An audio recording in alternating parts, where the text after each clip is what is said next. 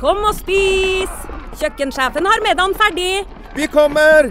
Vi skal bare Åh, det er da så morsomt her på Stiklestad! Ja, men sjøl en god viking må ha både mat og hvile. Og dessuten kan dere nå være noen dager. Velkommen til Scandic Stiklestad. Moderne fasiliteter i historiske omgivelser. Det var her det skjedde. Det er her det skjer.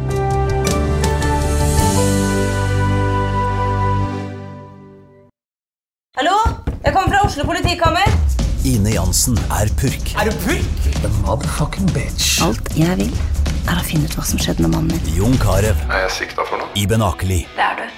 Ole So, Lars Berrum og Big Daddy Karsten. Hvem sin side er du på, egentlig? Anette Hoff, Tone Danielsen, Kommer du fra Afrika? Jørnis Josef, Nesten. Kløfta. Trond Espen Seim, Det er synd å si det, men det var feil mann som døde. Purk. Premiere tirsdag på TV2 Play.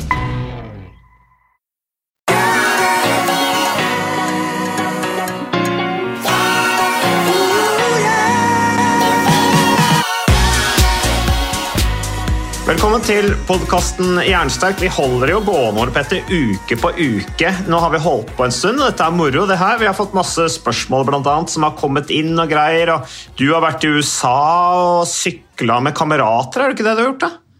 Jo, jeg, Det var jo et bevisst valg at jeg ikke tok med deg, da, vet du, for da, da hadde jeg jo blitt uh, hengende langt bak.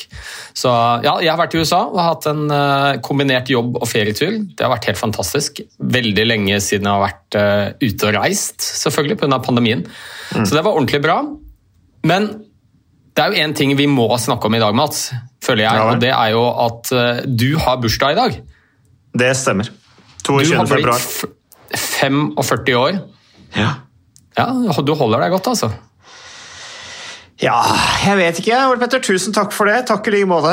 Jeg prøver, prøver uten at jeg, jeg er ikke så veldig opptatt av utseende og sånne ting, men eh, man prøver å liksom holde seg litt i form. Det prøver jeg jo. Så jeg er flink til å mosjonere. Det, er jeg.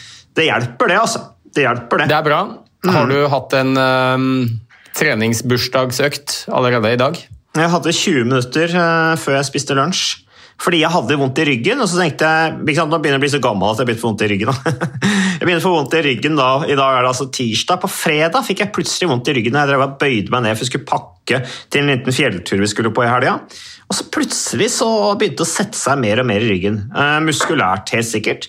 Eh, og så tenkte jeg ja, vet, Men jeg har jo trent jeg, jeg har jo gått på ski og sånne ting, men eh, jeg tok og trente styrketrening, da, for jeg bare vil prøve om det gjorde det verre eller dårligere. Men litt lett styrketrening det gjorde at det ble bedre. Så da føler jeg meg klar for å sitte her og ha podkast med Ole Petter. Bevegelse det funker stort sett alltid, har jeg funnet ut. Ja, trening er medisin, altså. Det er det. det, er det. Men Ole Petter, nå, du har jo vært i USA, du har sykla. Der eh, har du kanskje gjort deg noen refleksjoner. Eh, Dere syklet på flotte sykkelveier, sa du til meg. Ja, jeg har jo, man gjør seg jo fort noen refleksjoner når man kommer til et, eh, til et annet land. og Jeg har jo bodd i USA og vært veldig mye i USA. Og En ting som slår meg der, er jo hvor lite folk beveger seg. Altså Hvor lite type gåing, eh, sykling Altså Du ser jo nesten ingen som går noen steder. Det er ikke tilrettelagt for det. De har ikke fortauer. Altså Folk kjører bil. Punktum. Og sykkel som transportmiddel det er jo nesten ikke bruk. Eh, I USA så er det stort sett én gruppe, og nå setter jeg det litt på spissen selvfølgelig, som du ser ut på sykkel, og det er mange av de som er hjemløse. Ja. Altså Som rett og slett ikke, ikke har råd til bil, så de, eh, de bruker da det nest raskeste fremkomstmiddelet som de kan bruke, og det er sykkel. Og så ser du selvfølgelig noen som er ute og sykler for å trene, men det er veldig lite barn og ungdommer og voksne som bruker sykkelen som en transportmiddel. Så, så de har jo enda større grad enn det vi har her hjemme, et uh, samfunn som virkelig er tilrettelagt for inaktivitet.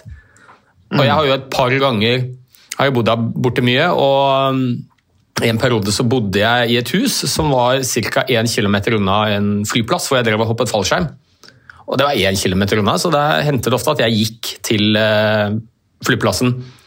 Selvfølgelig ikke på noe fortau, for det fantes ikke, så jeg gikk ved siden av veien. Og da, tre eller fire ganger så ble jeg stoppet altså, av politiet. Ja. Som lurte på hvor bilen min var, om det var om jeg hadde fått motorstopp, om de skulle kjøre meg for å hjem eller for jeg skulle få noe hjelp. Så, så du blir sett på som det er et eller annet gærent når du er ute og går som transportmiddel. ja. Det er ganske Så, vanvittig. ja, Men det som var litt artig nå, det var jo dette er Florida, hvor jeg har bodd i mange år, og jeg er glad i å sykle. Og det de har gjort i Florida nå, det er at de har fått som ambisjon om at de skal bli en sykkelstat. Altså rett og slett et, eh, en delstat hvor de virkelig tilrettelegger for at folk skal bruke sykkel som uh, transportmiddel. Mm. Og det er det jo mange gode grunner til. Det ene er jo selvfølgelig miljø og trafikk, som er ja, håpløst i USA. Altfor mange kjører bil. Og det andre er jo helseperspektivet, selvfølgelig. Så det de har gjort nå, er at de har eh, bestemt seg for at alt blant annet, som er av nedlagte jernbanelinjer, og det er det ganske mange av i USA, det skal omgjøres, ikke til vei, men til sykkel, sykkelvei.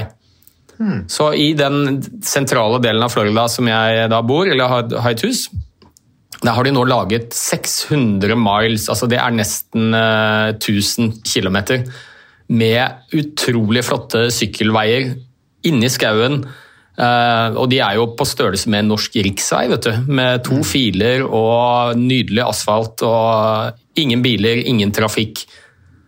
Og plutselig nå så ser jeg at det er jo stappfullt av folk som er ute og beveger seg. Enten for å trene eller bevege seg fra punkt A til punkt B på, på sykkel. Så jeg tenker det er et veldig godt eksempel på hva, hva myndighetene, folkehelsemyndighetene, kan, eller helsemyndighetene, kan bidra med til folks uh, helse. Mm. Rett og slett legge forholdene til rette sånn at det er mulig å få det til. Uten å sykle langs veien med livet som innsats. Så folkehelse er liksom litt på agendaen, kanskje litt i fremmarsj også i USA. For jeg har liksom følt at det har ikke stått veldig høyt på agendaen der, det som har med forebyggende eh, satsing på, på folkehelsefremmende tiltak der.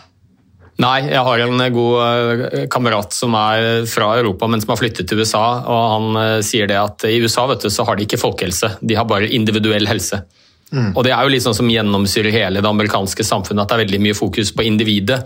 Eh, og lite fokus på lite tiltro til myndigheter generelt. Og man, man skal klare seg selv, helst uten innblanding fra myndighetene i det hele tatt. Så så akkurat det der folkehelseperspektivet som vi har i mye større grad i Norge, hvor myndighetene ser det som et, en viktig del av sitt ansvar, er å tilrettelegge og bidra til god helse i eh, befolkningen, mm. det er i mye større grad overlatt til individet i USA. Jeg husker jeg hadde De er jo eh, forretningsorientert i USA. Da. Jeg husker For noen år siden så hørte jeg på sånn sykkelpodkast eh, hvor da det var et forsikringsselskap, et amerikansk forsikringsselskap som da annonserte på den podkasten. Eh, og det forsikringsselskapet de, de lokket da de ønsket da å annonsere på den sykkelpodkasten for å da nå frem til folk som var glad i å sykle, folk som holdt seg i form, og brukte Strava og da var det rett og slett at Hvis du brukte Strava og dokumenterte trening gjennom Strava, så skulle du da få billigere forsikring gjennom dette forsikringsselskapet. Det var ideen der. da. Eh, det syns jeg jo for så vidt er en ganske god idé, for du må jo betale ekstra forsikring hvis du røyker f.eks., eller hvis du har en veldig sånn eh, helse, eller en helseatferd eh, Eller du, du har helserisiko, da. Eh, eller du lever et veldig liv som kanskje medfører en stor fare, så må du betale mer. Eh, men holder du deg i form, så er det jo en viss mindre Det er en mindre sjanse for at du får helseutfordringer i fremtida. Så det blir jo logisk at du får billigere forsikring, tenker jeg. Vet ikke hva du tenker om det? Eh, jo, jo da, selvfølgelig, og det ser jo forsikringsselskapene at de kundene som er flinke til å ta vare på egen helse, det kan være søvn, det kan være kosthold, det kan være trening, ikke røyk, alkohol, alt dette her, eh, det påvirker jo sannsynligheten for at de en eller annen gang må betale ut en forsikringssum eh, pga. sykdom f.eks. hos eh, disse individene. Så, så, det er jo ikke så rart at forsikringsselskapene, som stort sett er private, tenker i de baner. Og det har de gjort ganske lenge i USA, og, og, og der er det jo sånn at hvis du f.eks.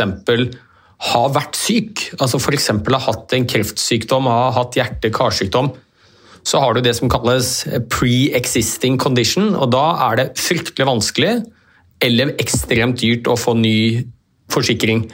Mm. Uansett hva du har gjort av tiltak for å bli bedre av sykdommen din. Eh, og sånn er det heldigvis, tenker jeg da, ikke i Norge. Forsikring får vi eh, uansett. Men også den norske bransjen er litt på vei inn i samme spor, da, hvor de, mange jobber bl.a. med noen apper og tiltak for å finne ut hvor sunne, hvor sunt de lever, da, de kundene som kommer til forsikringsselskapene. Fordi de vet selvfølgelig at jo bedre de tar vare på egen helse, jo lavere kostnadsrisiko er det for forsikringsselskapet. Så det kommer nok litt i Norge også, etter hvert. I større Ja. grad enn det det er i dag. Jeg er ikke noen tilhenger av å straffe folk for at de har vært syke, men jeg er en tilhenger av å premiere folk som er motivert til å gjøre en endring, og som ønsker å komme i gang og dokumenterer at de kommer i gang, uansett hvilken tilstand de starter fra. Det tenker jeg eh, Det, det er jeg veldig tilhenger av. Men eh, Ole Petter, eh, vi, vi, jeg sa at vi har en del spørsmål her. Det har vi fra lytterne våre. Vi er veldig glad for at du sender inn spørsmål. Og covid lever jo fremdeles. Vi har snakket mye om covid på podkasten Hjernesterk, fordi at det påvirker jo angst og depresjon og helsa vår og dette her med fysisk aktivitet og det har vært løpeskam og alt mulig rart vi har kunnet snakke om i forbindelse med covid, men covid er liksom på vei tilbake. Eh, Norge har åpnet ganske bra opp. Det er helt fantastisk deilig, synes jeg. Slippe å ha på seg det munnbindet hele tiden. Det nyter jeg så til de grader. Eh, men så har vi fått et spørsmål her eh, fra en lytter som heter Elisabeth. Hun skriver Takk for super podkast, jeg er fast lytter. Jeg fikk påvist covid-19 i går, og dette er jo en stund siden hun sendte dette her, da, men allikevel. Og lurer på om dere har noen tanker rundt trening etter sykdommen. Trener til vanlig seks dager i uka, og lurer på hvordan man starter opp igjen etter trening, eller med trening etter koronavirus. Og jeg vet det, Ole Petter, at dette her er du veldig det, Du er veldig brifa på dette her nå, for du var akkurat i VG og snakka om det samme, var du ikke det? Jo, jeg har fått veldig mange spørsmål om det der, eh, både fra media. Det var en ganske svær sak eh, forrige helg, tror jeg, eh, i, i VG, hvor flere såkalte eksperter da hadde blitt spurt om eh, anbefalinger rundt eh, oppstart av trening etter covid. Og jeg får mange spørsmål på Messenger og SMS av tidligere pasienter og folk jeg trener med i dette Nordic eh, treningssenteret, som jeg er instruktør ved. Og, og, mange lurer på akkurat det samme. Når kan jeg begynne å trene igjen? Jeg har hatt covid, jeg er bekymret for at dette kan gi alvorlige konsekvenser hvis jeg begynner å trene for tidlig. Så Det som er gjennomgangstonen, er at mange er bekymra for å starte opp uh, treningen igjen etter, etter at de har hatt covid. Og Det er jo et veldig betimelig spørsmål, for nå, selv om restriksjonene er på vei ut, så er jo covid ordentlig på vei inn. Altså denne omikron-varianten, som heldigvis viser seg å være mindre uh, farlig for oss, den er det jo nå Jeg har ikke helt nøyaktig tall, men det er flere millioner nordmenn som nå, nå har blitt smittet med covid. Ja. Så, så da er det jo selvfølgelig mange da som er glad i å trene, som også har fått covid, og lurer på når de kan begynne å trene igjen. Og og der er det jo sånn at dette er et nytt virus, så vi, vi har jo ikke noe, vi har ikke noe gode langtidsdata på helsekonsekvensene, positive eller negative, ved å starte opp trening etter, etter covid. Eh, På lik linje med det vi har med en rekke andre forskjellige infeksjonssykdommer. Eh, Ja, for for eksempel har vi, ja, har vi data på det, egentlig? Liksom? Vi har vel ikke statistikk uansett på akkurat det? Har vi det, Ole Petter? Unnskyld at jeg avbrøt deg. Nei, iallfall ikke som jeg eh, kjenner til. Det er noen små studier som er gjort da. Eh, Men det jeg iallfall kan si, og som jeg er litt opptatt av, er at det er, det er ingen indikasjon på at det er farlig å trene etter at man har hatt covid. Og Det tror jeg er litt viktig å påpeke. For det jeg er litt bekymret for, det er jo at vi nå skaper et bilde av at trening er farlig. Ja. Eh, Og det er det absolutt ingen indikasjon for å si. Jeg, jeg tror av alle de sykdomstilstandene vi kjenner til, så er det kanskje bare et par eller par-tre pasientgrupper da, hvor vi anbefaler at de ikke skal trene. Ikke sant? Og Det er jo de som har en pågående infeksjon med feber. Det er de som har en uavklart alvorlig hjertesykdom, som har symptomer på det. Eh, og så er det egentlig ikke så veldig mye mer. Eh, andre som, hvor, trening absolutt ikke er anbefalt for helsa der og da. Eh, For alle andre så er det trening positivt. Det er vel eh, en enkel måte å si det på. Og nå males det, opplever jeg, da, et sånt bilde av at vet du hva, man skal være ekstremt forsiktig med å begynne å trene igjen etter at man har hatt covid. Og, og det er det på en måte ingen medisinsk eller vitenskapelig grunnlag for å si. Så, og det er det jeg møter, da. Mange som er livredde for å starte treningen igjen. Og um, Det er mye frykt. er jo Utrolig mye frykt. Folk er så redde. Ja, og jeg pleier å si at hvis du er litt redd for covid, enten for å få det eller for å begynne å trene igjen etter du har hatt covid, så er du helt normal. Det skulle bare mangle at vi ikke ble det, når det er det, det er jo det eneste vi leser om. Det er vi leser jo ikke om alle de som har hatt covid og blitt helt bra, eller alle de som har hatt covid ikke engang merket det. Nei. Det, Og- det selger ikke så bra. Nei, men, og det er litt sånn bias, da, skjevhet, som, som ofte gjør noe med tankesettet vårt. Og jeg, jeg pleier litt sånn ironisk å si at uh, dette er litt sånn som med lotto. Ikke sant? Folk spiller lotto. Uh, fordi de har lest og hørt om at det går an å vinne. Ikke sant? Du leser om han i Verdalen eller uh, denne bonden oppe i Nord-Norge eller en eller annen som har vunnet utallige millioner i lotto. Og så er jo sannsynligheten for å vinne er jo så ufattelig lav. Det er snakk om 1 til 5 millioner eller noe sånt. Det er jo nesten utopisk å vinne. Men, men, men folk gjør det allikevel. Tenk deg om det hadde vært en avisartikkel hver dag uh, om alle de som tapte penger på Lotto. Da hadde du fått et litt mer sånn reelt inntrykk av sannsynligheten. Så Ja. når alt vi leser om i media er uh, hvor skummelt covid kan være, så er det ikke så rart mange blir engstelige. Nei. Ehm, jeg har jo, vi har snakka litt om det, Ole Petter. og det er klart, ehm, Jeg fikk litt kjeft av en lytter når jeg var på en annen, annen podkast, Sykkelpodden, hvor jeg snakket om at jeg hadde trent hver dag med covid. og Det er jo klart, det er jo ikke å anbefale. Men jeg gjorde det litt sånn på trass, fordi at eh, vi satt jo her inne i isolasjon. ikke sant? Det var jo hele familien, dette var jo jula. Eh, og vi kunne jo ikke Det blir jo litt kjedelig når man bare skal sitte stille. Eh, så jeg tok meg noen eh, små økter på, på ergometersykkelen. Kjørte ikke hardt, men moderat intensitet. ikke sant? Svetta litt 30-40 minutter. Og ble jo ikke noe dårligere av det. Da hadde vi delta-varianten, som jo egentlig er farligere også enn en omikron. Det er klart, Her er det store individuelle forskjeller, og sånne ting, men, men det gikk bra. Jeg fikk litt kjeft av det en lytter, fordi at jeg kunne få da fatigue og ME. Eh, Men nå er jo dette en stund siden. Jeg har ikke registrert at, har, at jeg har fått det til nå. Da. Men det er gjerne det som det snakkes om. at hvis du da, Det er denne frykten for fatigue og ME som er liksom sånn gjentagende, syns jeg, at folk snakker om da i forbindelse med, med covid-19. Har du fått noe andre eh, at, at, at folk er redd for noe annet enn det, eller er det det som går igjen?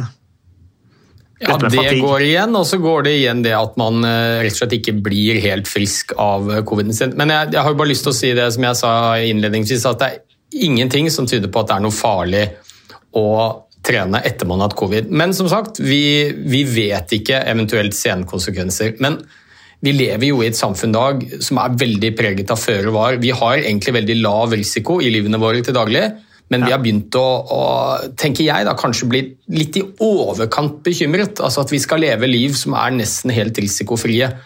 Ja. Og Da tenker jeg det er greit å sammenligne litt. Altså, Hva er konsekvensen av å være inaktiv versus det å ta seg en treningsøkt en stund et, etter å ha hatt eh, covid? Um, og, det, er jo ikke noe tvil om at eh, helsegevinstene ved å trene selv etter covid langt, langt eh, veier opp for de eventuelle risikomomentene det skulle være å starte å trene kanskje litt hardt etter en covid-infeksjon.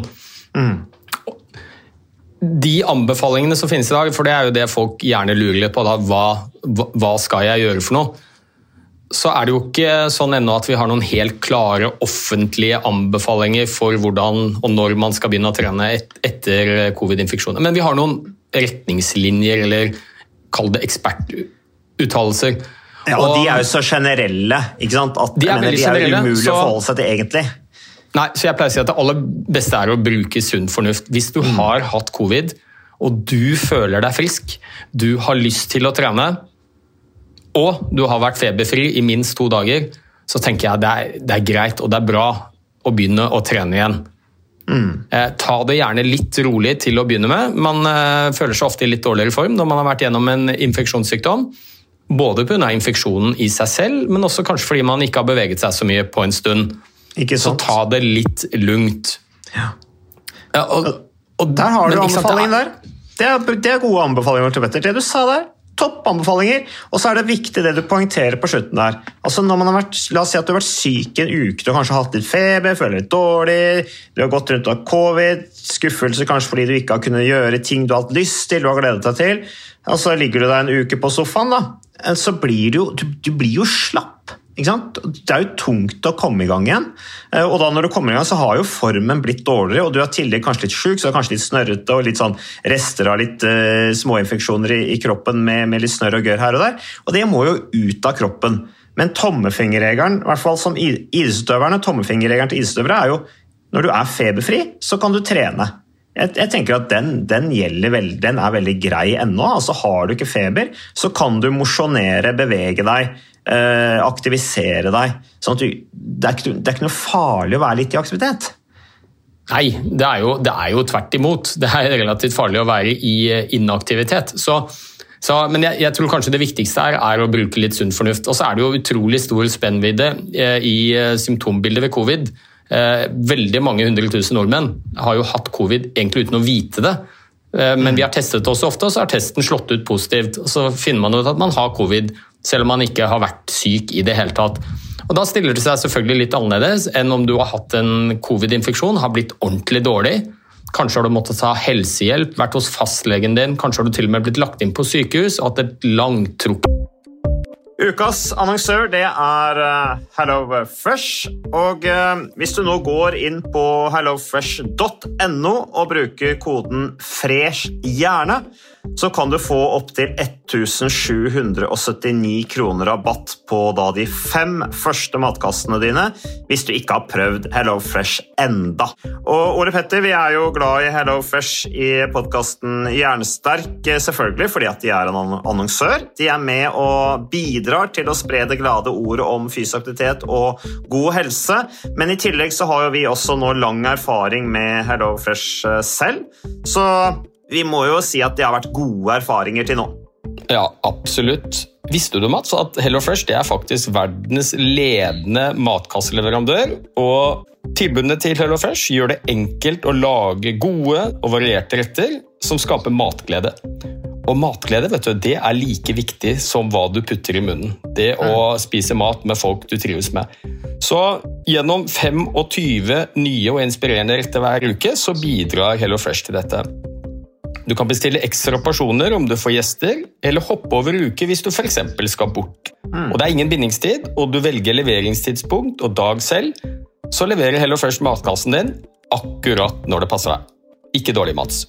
Nei, det er veldig bra. Så, eh, og dette er med enklere hverdag, det kan jeg nå skrive under på. For nå, forrige erfaring vi hadde forrige uke, Ole Petter, det synes jeg var Det var jo et gjennombrudd eh, for familien Kaggestad. For da lagde rett og slett barna de lagde middag og serverte middagen, så den var ferdig laget og servert da når eh, min kone Marita og meg kom hjem fra jobb. Og jeg mener Det var jo bare helt utrolig. Eh, det var helt fantastisk. Det ble en nydelig middag. Riktignok de, de, de, de roter og søler litt, det gjør de. Så, men, men, maten ble veldig god. De var veldig stolte over å kunne ha både laget og servert maten, så det var helt fantastisk. Så vi har jo da i siste så har vi eh, spist eh, bl.a. sitron- og dillstekt hyse med ovnsbakte grønnsaker og aioli. Eh, vi har spist middelhavsinspirert kylling. Taco, så finnes det mange ulike typer taco. F.eks. vietnamesisk taco, som vi har spist. Thailandsk vegetargryte. Veldig riktig og sunt uh, i dagens uh, samfunn med, med, fokus på bærekraft. Hvitløk og chilistekte reker i spagetti, det var definitivt en vinner. Så det er så flott. Du får rimelig mat ved at du kun betaler for det du trenger, så det blir ordentlig feststemning med Hello Fresh. Det gjør det, og nå er det bare for deg å gå inn på hellofresh.no og bruk koden 'fresh hjerne'. Da får du opptil 1779 kroner rabatt på de første fem matkassene dine hvis du ikke allerede har prøvd HelloFresh. Du kan også bruke rabattkoden hvis du har stoppet abonnementet ditt for tolv måneder siden eller mer. Er det noe å lure på? Håper maten smaker godt. Bon appétit! Et forløp eh, og vært skikkelig sjuk, da tenker jeg da sier det seg selv at da tar man det litt roligere og, og venter litt lenger eh, før man starter å trene. Men generelt da, så har anbefalingene vært, og fortsatt er, for infeksjonssykdommer generelt, har du vært feberfri i minst to dager, du føler deg bra, tren. Ikke noe problem. Men så har det vært ekstra bekymring rundt eh, covid.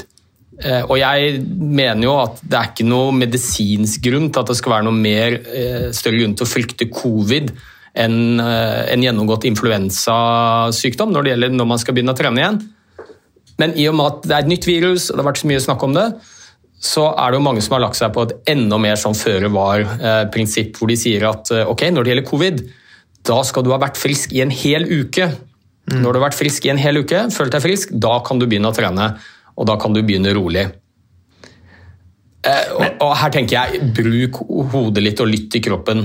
Har du hatt et mildt forløp av covid, du føler deg bra, vært feberfri et par dager, så tror jeg er noe av det beste du kan gjøre, både for din mentale helse og fysiske helse, for å bygge deg opp igjen etter å ha vært syk, eh, det er å begynne å bevege deg. Ta det gjerne litt rolig, dropp de tøffeste øktene de første dagene, lytt til kroppen. Eh, Og hvis du ikke blir noe dårlig av det, og du føler deg bra, fortsett med det. Det er ikke noe farlig. Nei, det høres eh, veldig bra ut, Ole Petter. Um, ja, jeg tror ikke jeg skal, har noe mer å legge til der, egentlig, sånn ut ifra hva jeg sitter og reflekterer over. Men jeg bare ser på lyttespørsmålene våre vi har. Um, så er det en liten sånn bro fra det med covid og komme i gang igjen. Jo, det var det, var det jeg tenkte på, Petter, på en sånn kjapp refleksjon. Det var at, jeg tror ikke at det er noen som syns det er litt deilig òg, da, å tenke at liksom, ja, nå har jeg hatt covid en uke, har kommet litt ut av treninga, er, du har jo den late hjernen, ikke sant, Ole Petter? den blir jo ikke noe mindre lat når du ikke gjør noe. Og så syns de kanskje det er litt deilig å følge disse anbefalingene og la seg bli litt redd. Og si ja, men det står jo i avisa at man bør vente litt ekstra lenge når det er covid, så jeg har ikke tenkt å komme i gang med det første, liksom. er ikke det enda en unnskyldning da, til å ikke dra ut og mosjonere? Deilig! Jo, det kan nok være det. Og, du, og jeg, jeg kjenner meg faktisk litt igjen i det. Jeg, eh, som du vet, jeg er glad i å trene, jeg har gjort det mye. og man blir jo avhengig av det, og for meg så merker jeg at hvis det går lengre tid uten at jeg får trent, så, så får jeg et sånn snev av dårlig samvittighet også, og tenker at dette her burde jeg ha gjort. Um, og da har jeg lagt merke til at noen ganger hvor jeg har blitt litt forkjøla, så har jeg tenkt at åh, det var egentlig litt deilig, for nå, nå kan jeg ta fri eh, noen dager, en uke kanskje, så lenge jeg er syk, med god samvittighet. Så, og det er jo måten hjernen vår er konstruert på. ikke sant? Eh, Det, dette med trening, så er det for veldig mange sånn at en rasjonell del av hjernen den forteller deg at jeg vet at trening er bra, jeg har gjort det mange ganger før, det føles bra, det er bra for meg. Men allikevel så er det en annen stemme i hodet ditt som er denne late hjernen som vi alle er født med, som sier at det hadde jo vært kanskje enda deiligere å bare ta det helt med ro. Ja, Og hvis det i tillegg kan da Hvis det i tillegg har dekning i de store mediene som du leser om til daglig, så er det en ekstra god grunn til å ikke dra ut. Ja, og, og når jeg sier dette, så mener ikke jeg at folk er late og, og de tar det bare som en god unnskyldning, men, men det er helt naturlig. Den delen av hjernen, Dette er litt drivstoff for den, da, den late delen av hjernen. Det at den er mer eller mindre legitimert, legitimert da, å, å, å ta fri, for det er jo det som er anbefalingene. Så, så det er nok et element i det du sier der, at det kan føles litt deilig også. Av og til å, å høre at vet du hva, nå har du uh, hatt en infeksjonssykdom, nå må du vente iallfall en uke. Ja, ikke sant? Ikke sant. Men, Men, da eh, kan Ja, du skulle si noe mer? Jo, jeg skulle bare si én ting. Fordi at uh, det er jo Det er ikke helt uten grunn at enkelte har dette veldig føre var-prinsippet når det gjelder trening etter infeksjoner som covid. Og Det handler jo først og fremst om at vi kjenner noen infeksjonssykdommer hvor det har vist seg i ettertid, når man har langtidsdata, at det har for enkelte eh, vært eh, helseskadelig å begynne å trene for tidlig etter disse infeksjonene. Eh, Det er fortsatt ganske uvanlig, men det er noen tilfeller. og Det gjelder f.eks. mononukleose eller kyssesyke. Mm, ja, hvor vi ser at det er en del som kan få komplikasjoner til dels lang tid etterpå, hvis de starter opp med for hard trening etter å ha hatt kyssesyke eller mononukleose. Så Derfor er vi jo ekstra varsomme um, med den pasientgruppen og sier at uh, her bør du ta det med ro litt lenger før du starter treninga.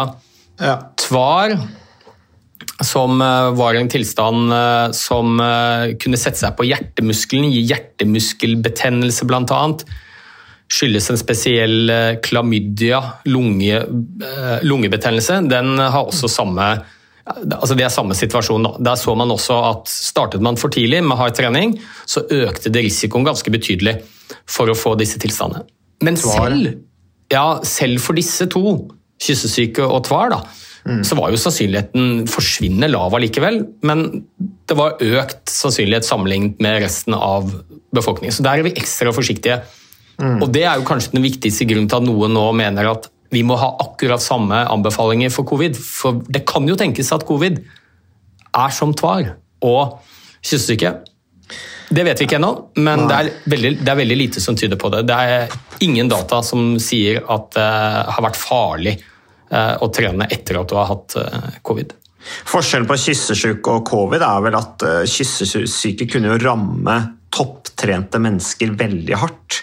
Eh, jeg har, ikke, jeg har ennå til gode å se eller høre om ja, Noen tilfeller er det kanskje, eh, man må gjerne arrestere meg på det her, men jeg har ikke, vi har ikke veldig mange eksempler på liksom, topptrente folk som har blitt fryktelig syke av covid-19. I hvert fall ikke som jeg vet. Har du hørt om Har du mange tilfeller av det som du har hørt om? Nei. Det har jeg ikke hørt om. Nei, så Hovedpoenget mitt her er at vi må ikke havne i en situasjon hvor vi farliggjør ting som er helt ufarlig. Altså, vi, vi, det er med på å skape frykt hvis vi skal ha som et mål at vi skal leve helt risikofrie liv. Så er det jo nesten ingenting vi kan gjøre. Da må vi jo bare holde oss hjemme og ligge i fosterstilling i senga. Mm. Deilig, det, for, det er, for det er faremomenter ved alt. ikke sant? Det er jo farligere å kjøre bil enn å trene etter covid, selv med feber. ikke sant? Men vi kan ikke havne i en sånn situasjon hvor vi skaper frykt i befolkningen fordi anbefalingene vi kommer med er så restriktive. Så det, det, er min viktigste bekymring, at vi ikke skaper frykt for å trene. For det er det ikke noe grunn til å ha. Vi burde heller ha litt mer frykt for hva som skjer hvis vi ikke trener. Mm. Godt sagt, godt sagt. Du, da hopper vi opp på det her som kommer fra en som jobber i Nav. Heia er en fast, er trofast lytter av podkasten deres. Jeg jobber med arbeidsrettet rehabilitering, og det tenker jeg har litt sånn bro til det vi snakket om nå, det der å komme i gang igjen. Et tiltak i regi av Nav. Målgruppen er sykemeldte, og målsettingen er å få disse ut tilbake i jobb igjen. Verktøyene vi bruker er i hovedsak trening, opptrening, men også kostveiledning samt kognitiv terapi. Tiltaket er veldig populært, og vi har gode resultater. Og så skriver han videre har sett den siste tiden at vi får stadig flere innsøkere som har helseutfordringer i forhold til utmattelse, tom for energi og lignende. Vi ser at trening fungerer svært godt, skråstrek ofte, spesielt utholdenhetstrening. Men hadde vært interessant å høre treningslegen det må bli deg da, Ole Petter, erfaring på dette området og hva forskningen sier. Viktig å presisere at dette er personer som har en generell utmattelse, altså ikke ME. Kort fortalt ser vi, ser vi økning av personer som søker til oss med en beskrivelse som handler om at de er tomme for energi, utmattet, de har møtt veggen og lignende. Vi så disse tidligere også, men langt flere siste året. Arbeidsrettet rehabilitering er kort og intense tiltak, går over fire uker og kan forlenges opp til tolv uker. Målsetting er økt friskmelding til jobb. Vi har som sagt god erfaring med utholdenhetstrening. Tanker rundt dette hadde vært interessant. Hilsen Tom. Ehm, spennende, Ole Petter. Eh, han spør jo deg, da, konkret her. Ehm, du er enig at dette her hadde jo litt likhet med det vi snakket om med å komme tilbake i trening etter covid. Her er det jo snakk om å komme i gang med liksom livet. Eh, folk som føler seg trøtte, utmattet, eh, møtt veggen, mista gnisten, hva det måtte være. Men um, trening hjelper her også, viser det seg. da. Eh, tiltak fra Nav. Du har vært og holdt i foredrag hos Nav, har du ikke det? Jo da, jeg har jo jobbet mye egentlig både med Nav og for Nav. Jeg har vært fastlege i mange år, og da er jo en viktig del av det å ha kommunikasjon med Nav eh, rundt oppfølging av eh, forskjellige pasienter som er sykemeldte osv. Så, så jeg syns det er helt fantastisk at Nav nå i ganske stor grad har begynt å se at trening også er medisin. Og, det, det opplever jeg er ganske nytt, altså. Da jeg jobbet som fastlege, så hadde vi jo en mulighet til å sykemelde pasientene våre for behandlingstiltak. F.eks. en pasient som hadde kroniske muskel-skjelettsmerter eh, kunne da bli sykemeldt én dag i uken og kunne bruke den dagen til å gå til behandling. F.eks. hos en fysioterapeut for ryggplagene sine. Mm. Og det var veldig effektivt. Og i og med at det var åpnet for behandling, så prøvde jeg å bruke dette med mine pasienter, hvor vi gikk ut og trente sammen. Altså Pasientene var f.eks. 20 sykemeldt, eh, hadde én dag i uka hvor de var med på trening sammen med meg i arbeidstiden min og i pasientens arbeidstid. Og så var det behandlingen. Men da havnet jeg i masse trøbbel med Nav, fordi Nav eh, sa at dette er jo en sykemeldingsordning for behandling, og trening er jo ikke behandling. Nei. Eh, og Der prøvde jeg å argumentere så godt jeg kunne at jo, selvfølgelig er trening behandling. Det vet vi veldig godt. Jeg la ved artikler og dokumentasjon på hva trening gjør med forskjellige medisinske lidelser.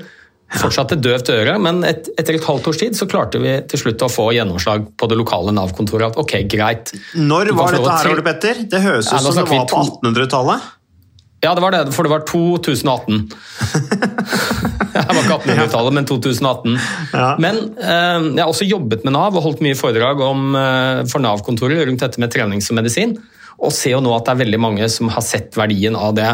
Så jeg syns det er helt fantastisk det Tom og co. driver med. Eh, og, og det er jo ikke så rart at dette virker.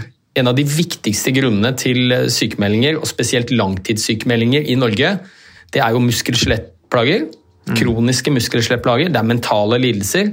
Hvor det er utrolig godt dokumentert at regelmessig bevegelse og trening er noe av det mest effektive for å forbedre helse. Så det er jo ikke veldig overraskende for meg, i alle fall, eh, og vi som driver med dette, at dette hjelper. Så jeg syns det er fantastisk at Nav eh, i større, større grad ser det.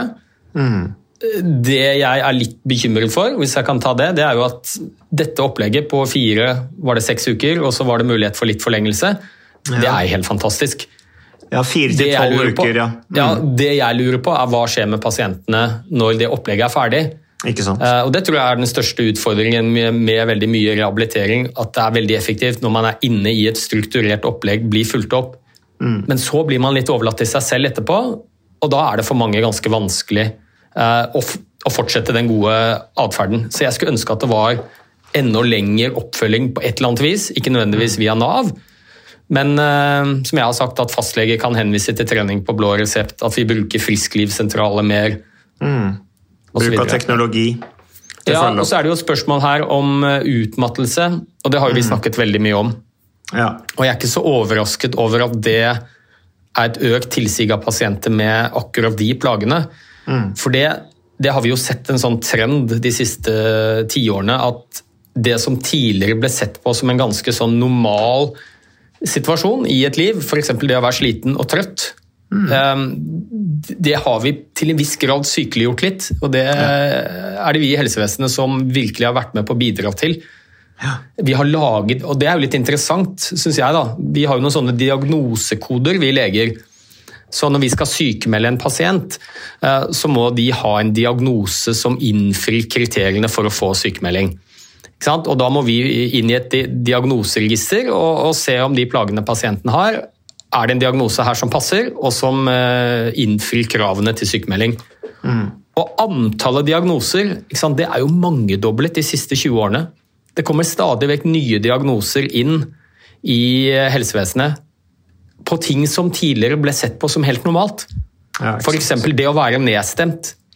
Det å være trøtt, slapp, sliten. Det har nå blitt en diagnose. Eh, og, og, og dette, Det finnes vel ikke nordmann som ikke kjenner seg igjen i det at de på et eller annet tidspunkt har hatt lengre perioder hvor de føler seg kanskje nedstemt, utmatta, sliten. Vi skal være så så lykkelige, vet du, så vi skammer oss over at vi ikke er det. Og så sykeliggjør Ja. vi det.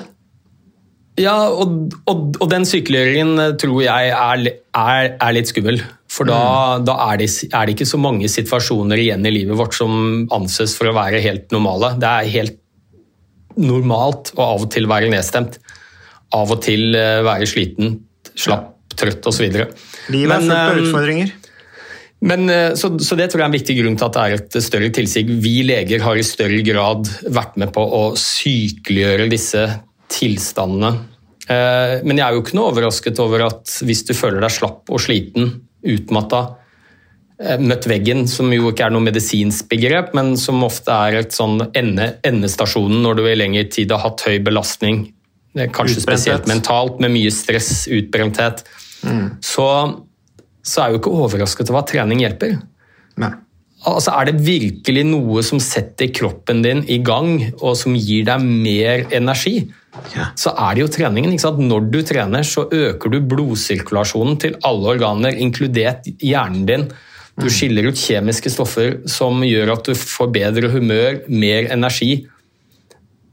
Og, og, og så tror jeg mange har en tendens til å tenke litt motsatt. At vet du hva, nei, eh, jeg blir så sliten av å trene. Og, og det er jo for så vidt et element i det, og du blir sliten av å trene, men du blir fysisk sliten. Men det er sjelden det er det pasientene kommer og eventuelt blir sykemeldt for. Fysisk trøtthet. For det Nei, men jo, men liksom, hvor ofte det er er, det, liksom? Det er ikke ofte at man, legene får inn folk som er fysisk Nei, nedbrutt. det, Når det var det sist da? Det skjedde? Det er, jo, det er jo noen tilstander, selvfølgelig, men eh, annet ME jo, har jo et element av det. da. Mm. Men, eh, men for de aller fleste så er det snakk om en mental trøtthet. Ja. Eh, og den blir betydelig bedre av å, av å trene. Det, det er ekstremt godt dokumentert. Så, så jeg er ikke så overrasket over at det hjelper mange av disse gruppene med trening. Og, og så må det tilpasses selvfølgelig pasienten og starte med rolig intensitet og kanskje bygge opp. For vi ser jo at trening med høy intensitet, hvor du blir skikkelig sliten, det er faktisk det som er mest effektivt for de aller fleste av disse tilstandene. Men det må man bygge seg gradvis eh, opp til, da. Men eh, i sum, fantastisk tiltak av Nav, syns jeg. For eh, da jeg jobbet som fastlege, så var de fleste tiltakene fra Nav det var arbeidsrettede tiltak. Det var type sånn gå på kurs for å lære å skrive CV. Kanskje var du utplassert i en bedrift som var sånn inkluderende arbeidsliv, hvor du fikk litt roligere dager, litt mindre ansvar, kortere arbeidstid. Mm. Viktig det også. Kanskje Nav men- kan bli en, en virkelig eh, altså sånn, eh, som fremmer folkehelsa. Liksom. Altså går i front og får folk med, liksom, og treffer de som virkelig trenger det. Det hadde jo vært en fantastisk funksjon for Nav. Men De er liksom ikke Ja. der enda, men dette her er jo tendenser til det. liksom. Dette her kan du Ja, bygges jeg videre synes på. Nav har vært veldig flinke. altså, eh, Og spesielt at de nå har satt i gang med dette her, og er veldig lydhøre for å, å snakke med fagpersoner og folk som har erfaring med det. Så, så det tenker jeg er superpositivt. Vi Og så tror jeg kanskje at det er et element vi ikke snakker så mye om, som kanskje er den viktigste grunnen til at det å få folk i aktivitet, som er langtidssykmeldte, det er den beste måten å få de tilbake i jobb på. Eh, og det tror jeg handler om mestring. Ja. Eh. Og det tror jeg ikke er noe overraskelse for mange, at hvis du faller utenfor arbeidslivet, du er syk, eh, så gjør det noe med mestringstilliten din. De aller fleste av oss har selvfølgelig et ønske om å være nyttige og, og jobbe. Eh, Det i seg selv skaper mestringsfølelse. Rett og slett det at man gjør noe som virker meningsfylt og bidrar i et større fellesskap. Og, og det å falle utenfor, det gjør at mange får dårlig mestringstillit. Og det å begynne å trene, ta tak i noe selv, få det til, det er utrolig viktig altså, for å skape mestring som kan hjelpe deg tilbake igjen i bedre helse og tilbake i jobb. Så dette skulle jeg ønske flere drev med. Det, du er inne på noe der, og i den sammenheng der, Ole Petter, nå skal vi gi oss her, men eh, akkurat det du sa der, syns jeg var så fint. Det der med mestring. Eh, Så jeg tenkte jeg skulle avslutte da med et uh, sitat her av uh, Albert Einstein. Uh, hvor han da bruker eh, sykkel som metafor, og dette her å Livet er fullt av utfordringer, og det er tungt å komme tilbake, og sånne ting, men det der å ikke gi opp, og det syns jeg er et fint sitat der Life is like riding a bicycle. To keep your balance, you must keep moving. Og Der tenker jeg også at fysisk trening er et veldig sånn bra element. Da. At man ikke slutter å mosjonere, at man ikke slutter å ta vare på seg selv, selv om man kanskje mister jobben, selv om man møter utfordringer i livet. Det er da det virkelig kommer til sitt rette element, selv om det er tungt. Men liksom overvinner du den baugen der, da, så ordner ting seg vet du, etter hvert. Så skal vi la det være det siste, Ole Petter. Albert Einstein. Kloke ord fra Mats og Albert Einstein. Takk for at du lytter på podkasten Jernsterk. Vi er tilbake med neste uke.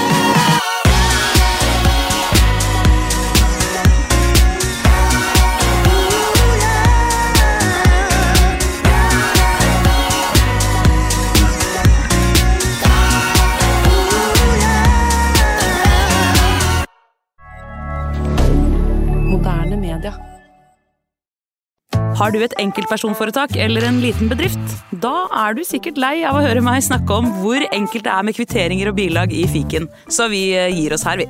Fordi vi liker enkelt. Fiken superenkelt regnskap.